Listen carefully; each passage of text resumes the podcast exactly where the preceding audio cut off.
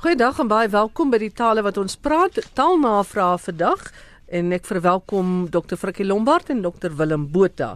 En Frikkie, jy gaan vir ons die program begin. Piet Human wys op 'n interessante woord wat die regter Johan Kriegler gebruik is, naamlik eendenkig. Die woord wat Piet uh, wat uh, Piet sê die regter gebruik het kom in die volgende sin voor: die ANC is nie 'n eendenkige organisasie nie. En Piet sê ek het die woord nog nie voorheen gehoor nie. Nou Piet ek ek ook nie. Dit is waarskynlik 'n eie skepping van die regter of dit word miskien in familieverband, kleiner verband gebruik. Wat hy bedoel het waarskynlik is enersdenkend. As jy enersdenkend is, natuurlik dan dink jy dieselfde oor 'n saak, jy het een opvatting oor 'n saak of jy dieselfde sienswyse daaroor of jy dieselfde oortuiging en dit is veral op politieke gebied. So enersdenkend sal presies hier inpas want dit gaan veral oor die politieke gebied ook hier. Nou net bietjie oor oor eie skepings.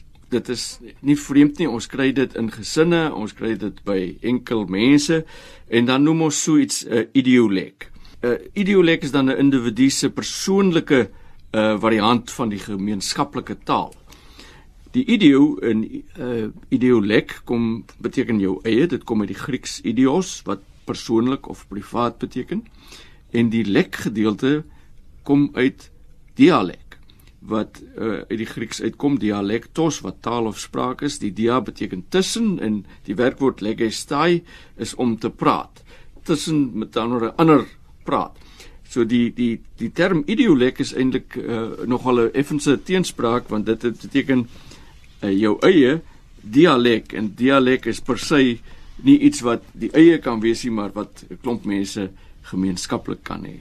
Willem Gerard Damstraf vind die gebruik van die woord wel in sekere omstandighede hoogdrawend en ook effens irriterend en so ook die gebruik van ag wanneer op 'n vraag geantwoord word. Willem, gaan jy môre weer met ons gesels en dan sê jy ag Magdalene.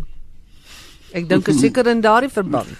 Wel, Ehm um, kyk Gerard sê uh, daar's wel gevalle waar wel vom sinvol gebruik word soos in 'n sin soos die volgende ek het wel die geld oorbetaal.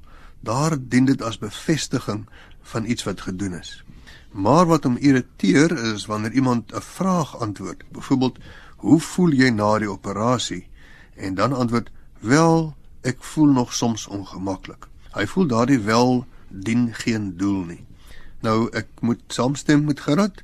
Dis miskien 'n poging om bietjie deftig te wees of jy wil dinge bietjie relativeer, maar dit dien nie regtig gedoen nie. Dan eh, jy kan sê dis 'n stopwoord. Ons het baie daarvan in Afrikaans deesdae en die een wat my die meeste irriteer is wat mense sê as hulle klare stelling gemaak het. Ons het die wedstryd baie geniet en ja. Daar en ja. ja. En ja. Nou sy volgende beswaar is teen die gebruik van die woord ag en dit is ook na 'n vraag. Byvoorbeeld, hoe beskou jy die span se kanse om die wedstryd te wen? Ag, ons neem dit maar wedstryd vir wedstryd. Nou daardie ag het miskien tog 'n funksie.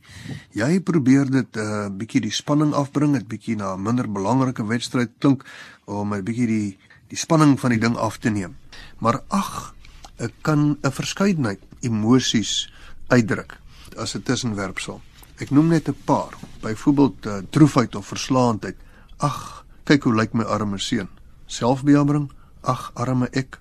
As jy 'n wens of 'n verlange uitspreek, ag, was dit maar anders. Of 'n teere gesindheid, ag, hoe fraai.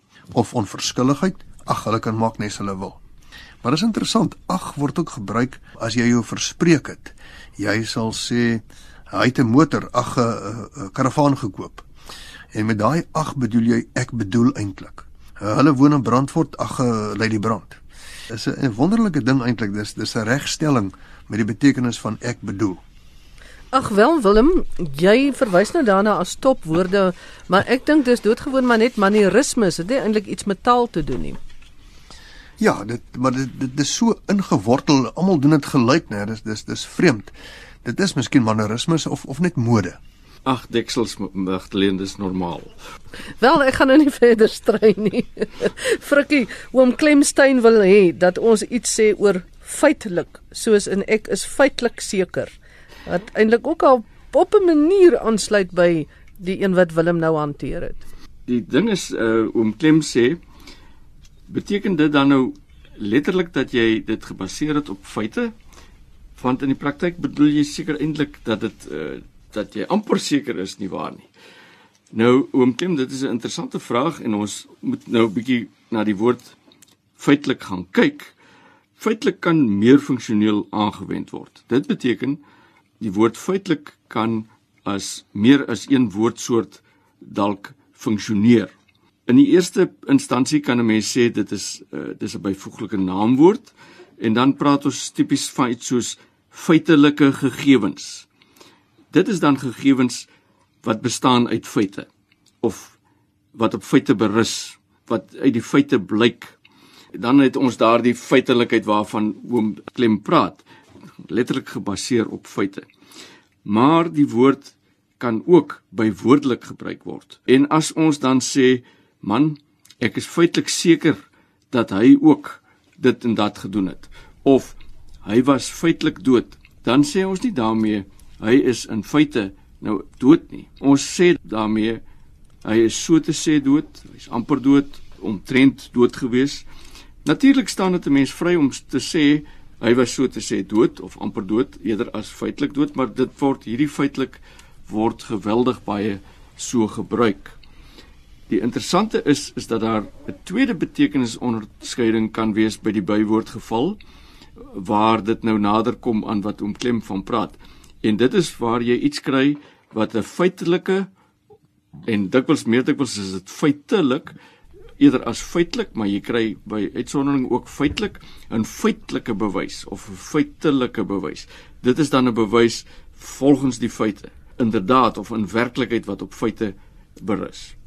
Etienne Joubert wonder hardop, wat is die verskil tussen uitstekend en uitstaande? En Willem jy gaan hardop antwoord. Ja, die Etienne die hiperkorrekte siening is dat uitstekend uh, word figuurlik gebruik en dit beteken dan baie goed of van baie hoë gehalte terwyl uitstaande 'n letterlike betekenis het en jy sal praat van die uitstaande klip kan jy laat struikel of 'n uitstaande rots. Maar hierdie hiperkorrekte siening is nou nie meer geldig nie. Daar word nou aanvaar dat beide uitstekend en uitstaande kan na 'n baie goeie prestasie of iets van baie hoë gehalte verwys.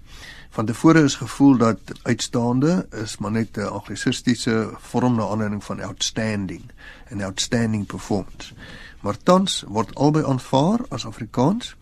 Uh uitstaande het natuurlik ook 'n eie betekenis in die sin van dit wat nog verskuldig is, die uitstaande bedrag. Maar hierdie uitsteek en uitstaan laat my nou aan die Kaapse woord dink, uitsteek of dan nou uitstiek. Die werkwoord jy sal sê jy moet uitstiek vanaand. Jy moet opdaag, jy moet teenwoordig wees. Goed Frikkie, wat is die herkoms van torpedo? Vra Sari Jacobs. Ja, dit was vir my ook baie interessant storie. Normaalweg wonder mense oor hierdie goed nie genoeg nie. Nou torpedo is natuurlik 'n selfaangedrewe onderseese projektiel wat tipies deur 'n duikboot afgevuur word sê maar na 'n uh, uh, skip toe om dan die ding tot sink te bring. Dit kom uit Engels torpedo en die die woord is gebruik deur die uitvinder van die drywende seemyn Robert Fulton. En dit is genoem na aanleiding van 'n vissoort wat ook bekend is as die torpedo. Hierdie vis het 'n elektriese belading as dit ware en as hy dan 'n mens aanraak, dan verlam dit jou half. Dit skok jou uh, sodat jy vir 'n hele tydjie effens lam is. Nou wat interessant is, die torpedo wat as visnaam gebruik is, dit gaan terug op die Latyn wat ook torpedo het wat beteken lamheid en dit kom uit die werkwoord torpere om te verlam. Heel interessant. Die Nederlandse uh, torpedo as visnaam kom al in Middelnederlands voor met ander woorde baie jare. Maar die waar dit die wapen is, het die Nederlands soos ons dit ook maar by die Engels geleer. Willem Arno Koradi van Kaapstad vra waarom woordeboeke nog baked beans se Afrikaanse ekwivalent as gebakte bone aangee en nie as sousbone nie. Ja, Arno, ek het vir jou goeie nuus. Die nuwerwetse vertalende woordeboeke gee as Afrikaanse vertaal-ekwivalent van baked beans sousbone of sousboontjies. Maar ehm um, ek wil nou net hier die bone uitmekaar uitkrap. As ek praat van sousboontjies, dan dink ek aan daai bone in die soetsuursous. En ek dink nie aan die boontjies in die tomatiesous, die baked beans nie. So dit is nogal interessant hier. Baked beans in Afrikaans is dan waarskynlik ook sousbone, maar ek dink die ek lees in die vroue tydskrifte dat hulle praat van boontjies in tomatiesous. Dan is dit nou baked beans. En uh, die sousboontjies Ek koop dit graag. Ek koop dit in so 'n kartonhouertjie en dan binne is 'n plastiek sakkie met die sousboontjies. Dit is altyd die naam buiteop was altyd wat ek koop, dit was sousboontjies. En nou is dit net in Engels en daar staan bean salad. En dit vind ek nogal jammer want bean salad kan verskillende slaaie wees met boontjies. Dit is nie noodwendig sousboontjies vir my nie. Maar die woordeboeke gee ook bean salad vir sousboontjies. Maar ek dink uh, ons moet maar die goed probeer uitmekaar hou. Magdalene, wat is sousboontjies vir jou? Vir my is sousboontjies dieselfde een waarvan jy praat, die soetsuursous. En ek ja. het nou probeer dink of ek iewers 'n resep het wat nie uit 'n kartonhouer kom nie, maar wat hom tuis gemaak het. Hmm. Ja. So iemand kan maar vir ons stuur. Ja, die sousboontjies kry gewoonlik in 'n bottel of in 'n plastiek sakkie, maar die baked beans is die is altyd in 'n blikkie. En dan het Aldebo altyd gesing sousboontjies is so reg na my smaak. Ek het dit toe ek hierdie ja. ding bespreek het by die personeel by die teekamer het ek daai liedjie ook vir hulle probeer sing. nou goed, kom ons gaan maar aan met praat tussen die drie van ons. Frikkie Gertruida vra dat daar gepraat word oor woorde wat soms verwar word en verkeerd gebruik word soos tensy en mits en dan ook tewens en trouens.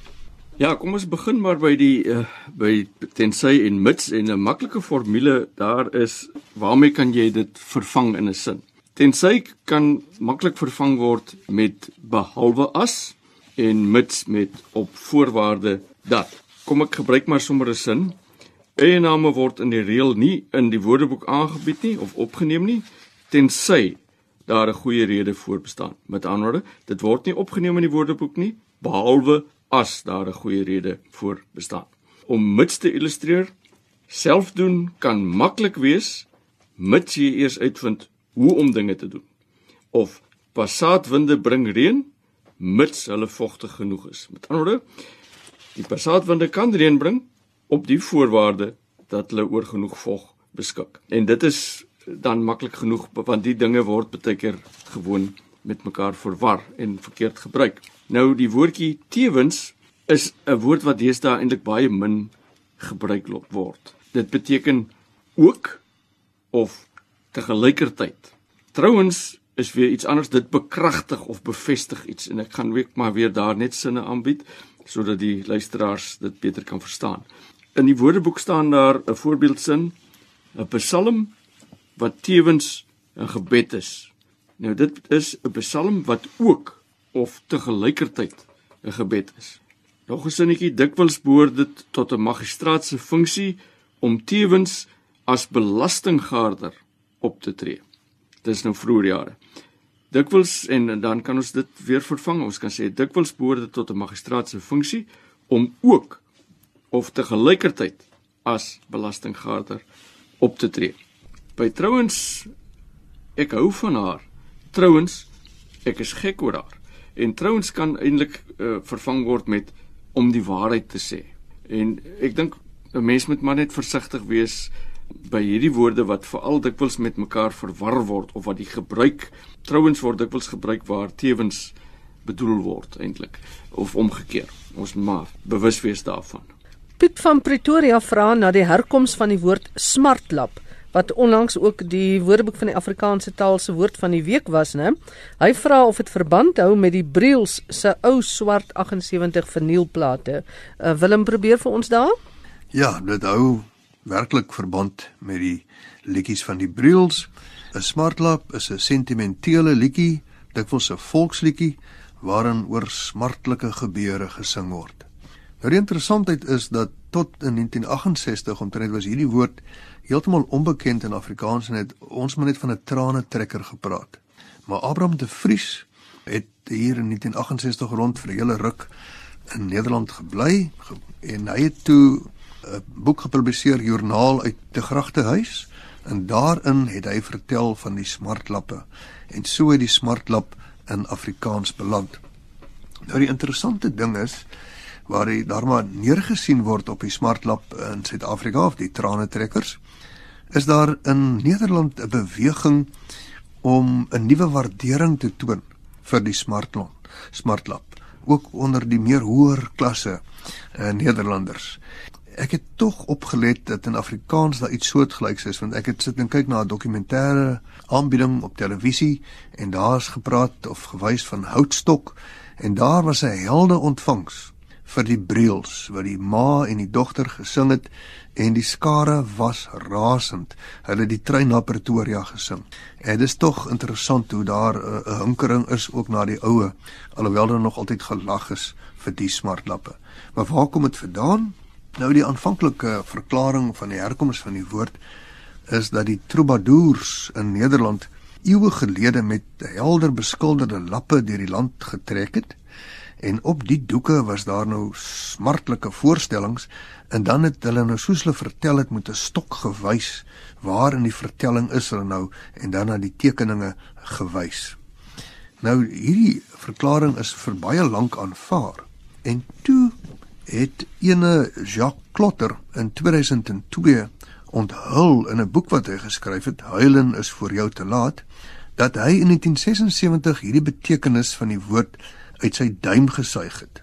Hierdie verklaring uit sy duim gesuig het en dat hy dit meer as 25 jaar met sukses volgehou het. Nou die eintlike waarheid is dat 'n sekere Alex de Haas hierdie term geskep het en hy het dit gedoen na aanleiding van Duits In Duits was daar 'n soortgelyke woord, uh, smachtfetzen of smachtlappen wat verwys het na die sakdoek wat jy gebruik as jy nou trane van ontroering uh, gestort het dan vee jy dit met die smachtlappen af en hy het dit toe nou geassosieer met die met hierdie sentimentele liedjies met die tranetrekkers en toe het hy gesê maar kom ons noem dit dan nou in Nederlands 'n smartlap. En ons laaste vraag vir vandag gaan aan Frikkie. Lukas Botha vra of bejaard 'n persoon is soos trotsaard, valsaard en grysaard. Ja, dit is 'n baie interessante vraag want eh uh, soos Lukas te kenne gee, het ons baie uh, hierdie grysaard, luiaard, die aard morfeem daai 'n persoonsnaam aan. Nou 'n bejaard is inderdaad nie 'n persoonsnaam nie. En daar's nog sulke forme wat op aard eindig wat nie persoonsname is nie, stylaard, toonaard ensovoorts. Die byaard is inderdaad 'n stel klokke soos jy dan nou tipies aantref in 'n in 'n kloktoring, 'n hele klomp klokke. En dit word normaalweg dan gelei om mense aan te trek vir 'n bepaalde geleentheid of bewus te maak van 'n bepaalde geleentheid.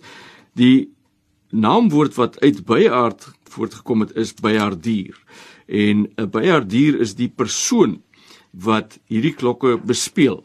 Nou dit kan direk bespeel word of heel meganies deurdat hy 'n soort klawerbord druk en vir elke deel van die klawerbord wat hy dan nou indruk of aktiveer word daar 'n hamertjie geslaan op 'n bepaalde klok en op dië manier word die klokke bespeel en word 'n soort musiek gemaak ook dis by aard nie bejaard soos ek dink ek gesê het ja. nie ek het seker nou 'n glip van die tong gehad. daarmee dan die einde van vandag se taalnavraag program en bly ingeskakel op RSG vir die res van die dag. Dankie soos altyd aan my gaste Dr Willem Botha en Dr Frikkie Lombard van die Woordeboek van die Afrikaanse taal.